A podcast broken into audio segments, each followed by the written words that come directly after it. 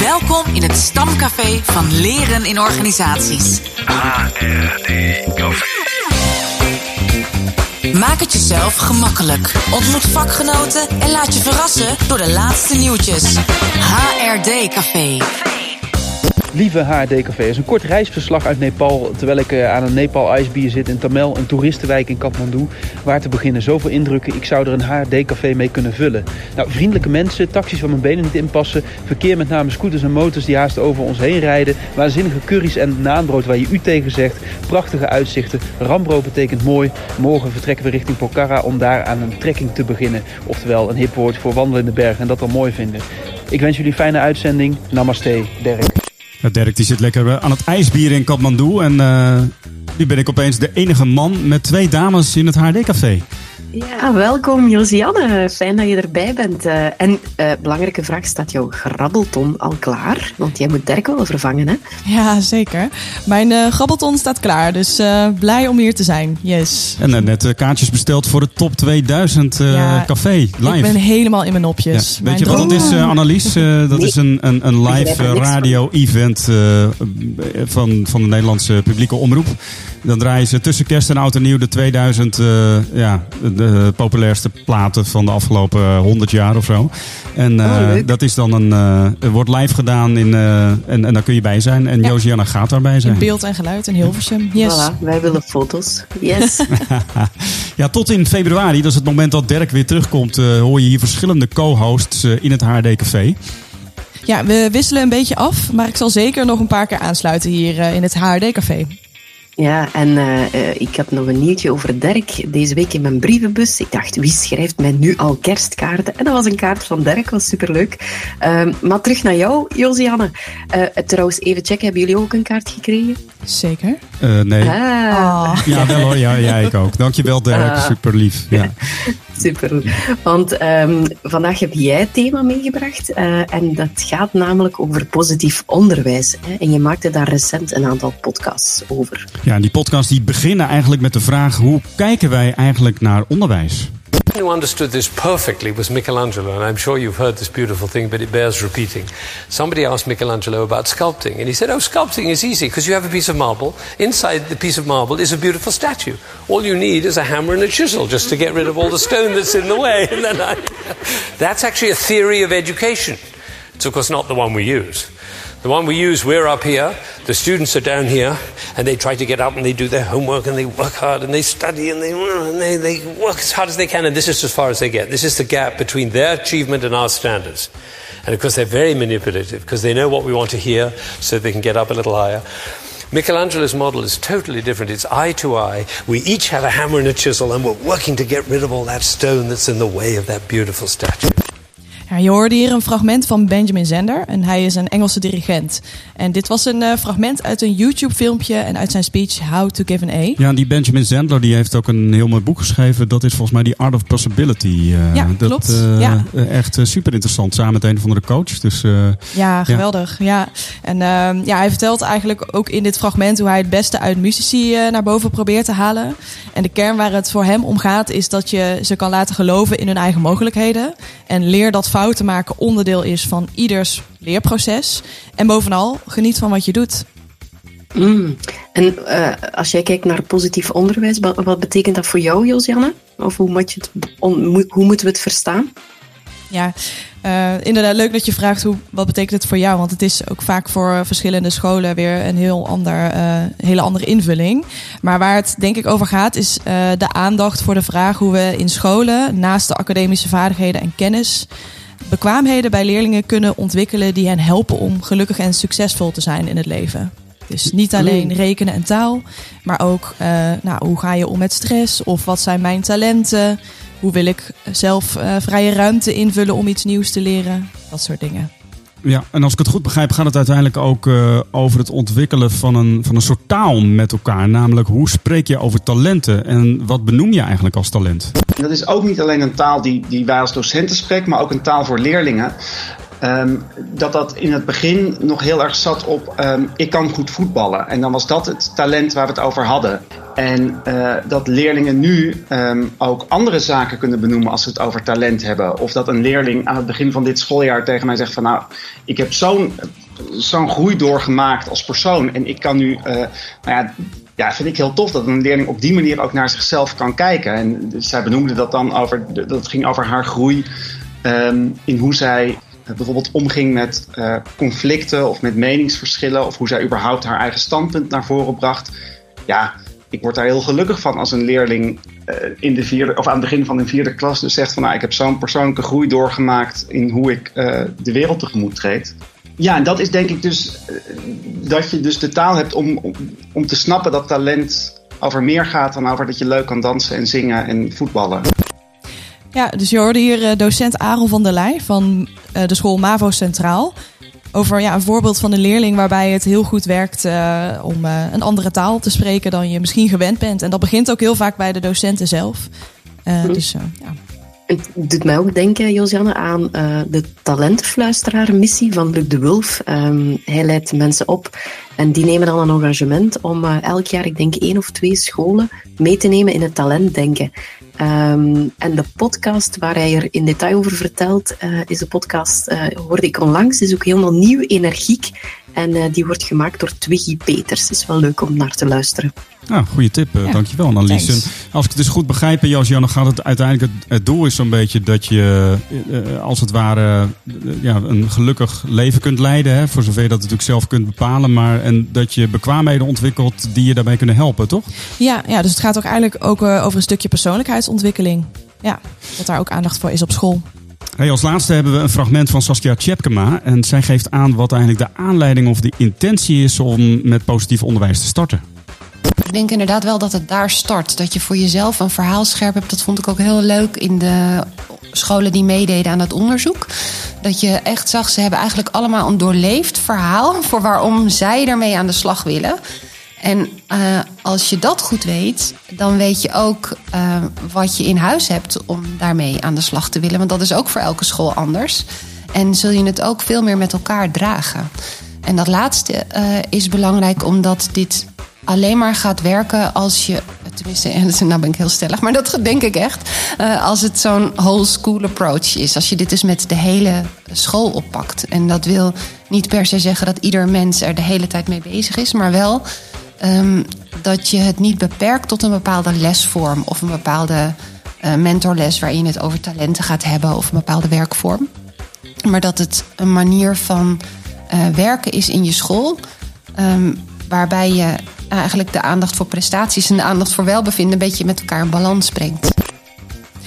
Ja, dus die, die why is uh, een heel belangrijk beginpunt. Uh, dat merkte ik ook in de hele podcastserie. Dat komt in iedere aflevering weer terug uh, ja, als basis. Heerlijk, zo'n stellige Saskia. Hè? Dat ja. is eigenlijk heel fijn om te horen. En ik, ik moet ook denken van ja, dat positief onderwijs... dat is dus een bepaalde inhoud, een bepaalde manier, opvattingen over onderwijs. En tegelijkertijd, als je dan dit hoort... het creëert ook een heel veranderproces in de school. Hè? Het brengt het Absoluut, op gang. Ja. Dus het, daar zit dan veel meer achter. En dat begint dan natuurlijk bij... ja, hoe kan het ook anders? Het verhaal.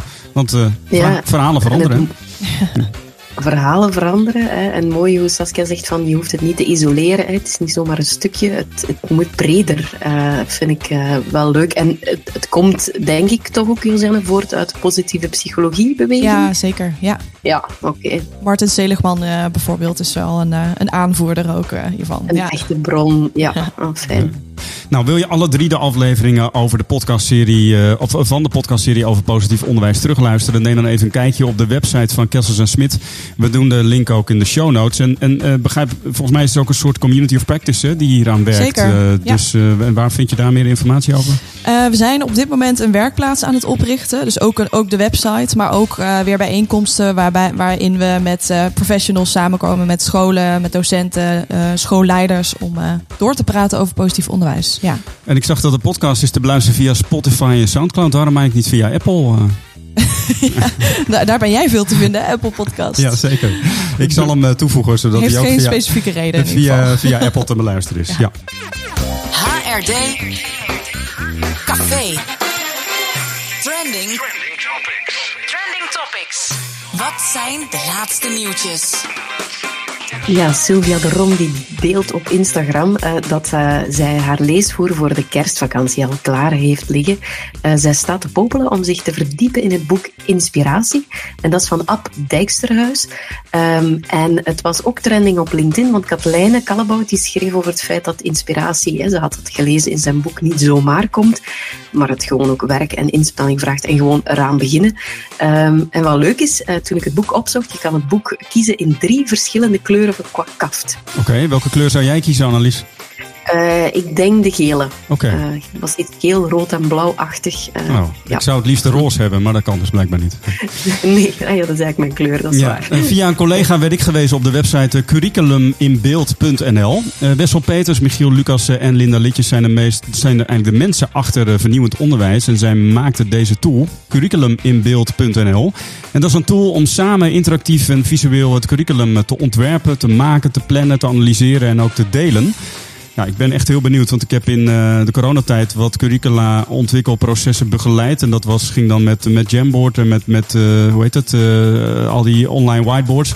Maar ik kan me voorstellen, als, als er een tool is die echt daarin heel goed werkt en ondersteunt, dan ben ik daar heel erg benieuwd naar. Ik heb het zelf nog niet gebruikt, maar ik ga zeker zoeken naar een project om hiermee te gaan experimenteren.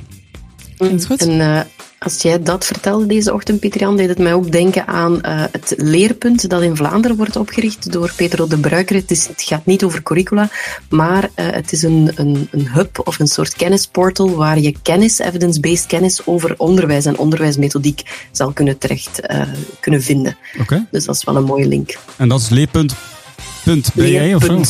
.be, denk ik. Ja, ja. nou, dat zetten Zullen we ook we in de notes zetten. In de show notes, ja. Ja, en dan uh, is er nog het Twitter-account van 9T5, oftewel van 9 tot 5. Het noemt zichzelf de heftigste kantoorstrip van Nederland en Vlaanderen. Zij delen cartoons die soms ongemakkelijk raken aan de ongemakkelijke momenten van ons kantoorleven.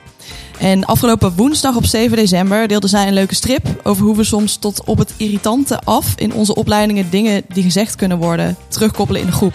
En je krijgt er echt kromme, kromme, kromme tenen van. En denk meteen, hier ga ik op letten. Om uh, dit in ieder geval zo niet te doen. Dus uh, check vooral van 9T5 op Twitter. Ja, gaan we doen. En in de tijd, uh, de Vlaamse krant, is er de column van uh, professor Frederik Anseel terug verschenen. En uh, er was een link ook naar onderwijs, want hij schrijft over het belang van de vaardigheid van schrijven. En hij roept de leerkrachten op om de schrijfvaardigheden er echt terug in te drillen. Um, want zijn betoog komt eigenlijk in de slipstream van het indrukwekkende uh, artificial intelligence schrijfapps die deze week nogal trending waren. Um, en dat zal volgens hem heel disruptief zijn, ook zelfs voor ons onderwijs. Maar hij gelooft er sterk in dat um, originele teksten toch nog heel onderscheidend zullen zijn. Uh, je kan het artikel lezen in de tijd of via zijn account op LinkedIn. Ik heb ook altijd geleerd dat schrijven niet alleen je gedachten aan het papier toevertrouwen is, maar ook gedachten ontwikkelen. Hè? Dus dat merk ik zelf ook altijd. Ik, dat is ook altijd een beetje een writersblok als je denkt van ik moet eerst iets weten en dan kan ik pas schrijven. Terwijl als je gaat schrijven, dan, uh, dan, dan komt het vanzelf. Uh, ja. Inspiratie. Ja, ja, we hadden nog een opdracht in de boekworkshop Verhalen veranderen. En dat was exact de opdracht, begin maar te schrijven. En grappig hoe dan dingen zich ontvouwen, letterlijk, zoals jij het benoemt. Ja. HRD Café. Ja, Josianne, dan uh, nu aan jou uh, eigenlijk het belangrijkste moment van de show. Ik zal het niet altijd, ja. uh, de druk niet altijd hoog opvoeren, maar het is aan jou om Dirk op te volgen in, doen, in de grabbelton. Dus staat hij klaar? Hij staat zeker klaar. Hij je staat had, het, voor je de had het neus. al aangekondigd, dus... Um,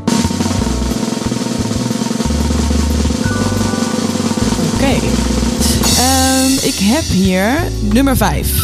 Nummer 5? yes. A question is not asked, a door is not opened.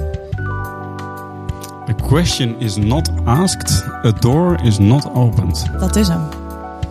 Mm, ik Is- denk... Ah, die komt van bij mij, Pieter Jan. Komt die van jou vandaan, ja? Ja. ja. En eh, van welk Ehm, boek dan? Eh, het, het, en het is eigenlijk a question not asked is a door not opened. A question not asked is a door not opened. door ja. not opened. Ja, Ja, en ja, het komt uit het boek eh, van Marilee Adams, eh, Change Your Questions, Change Your Life. En ik heb het boek ehm, gelinkt gekregen toen ik ooit de Action Learning Training aan het volgen was. En daar, staan daar staat vragen stellen centraal. En, ehm, en het is eigenlijk wel een heel tof boek. En er zit op het einde zit er een, ehm, een, twaal, zit een lijstje van twaalf vragen in die superleuk zijn voor elke situatie waarin je spanning voelt of jezelf wil bevragen of wil reflecteren met mensen. En dat zijn haar top 12 uh, uit haar coaching business uh, questions. En ik heb die onlangs ook uh, gedeeld met klanten. heb jij een favoriet? Vraag? qua vraag bedoel je? Um, dan moet ik even bladeren, want ik heb het hier bij me liggen. Um, mijn favoriete vraag van die top 12 is: What assumptions am I making? Welke veronderstellingen ben ik aan het maken die misschien niet kloppen? Ja. Dat is een vraag aan jezelf eigenlijk. Ja, ja. absoluut. Ja. Een stemmetje geraakt op, Pieter Jan. Ja, nou dat, uh, dat betekent dat we naar het einde toe gaan. Absoluut. Leuk dat je weer langskwam hier in het HD Café. Uh, heb jij leuke nieuwtjes of uh, wil je reageren? Heb je misschien een boekentip voor in de grabbelton? Uh, mail ons gerust en dat kan naar reactie.hdcafé.nl. En we zijn ook te vinden op Instagram, namelijk @hdcafé podcast.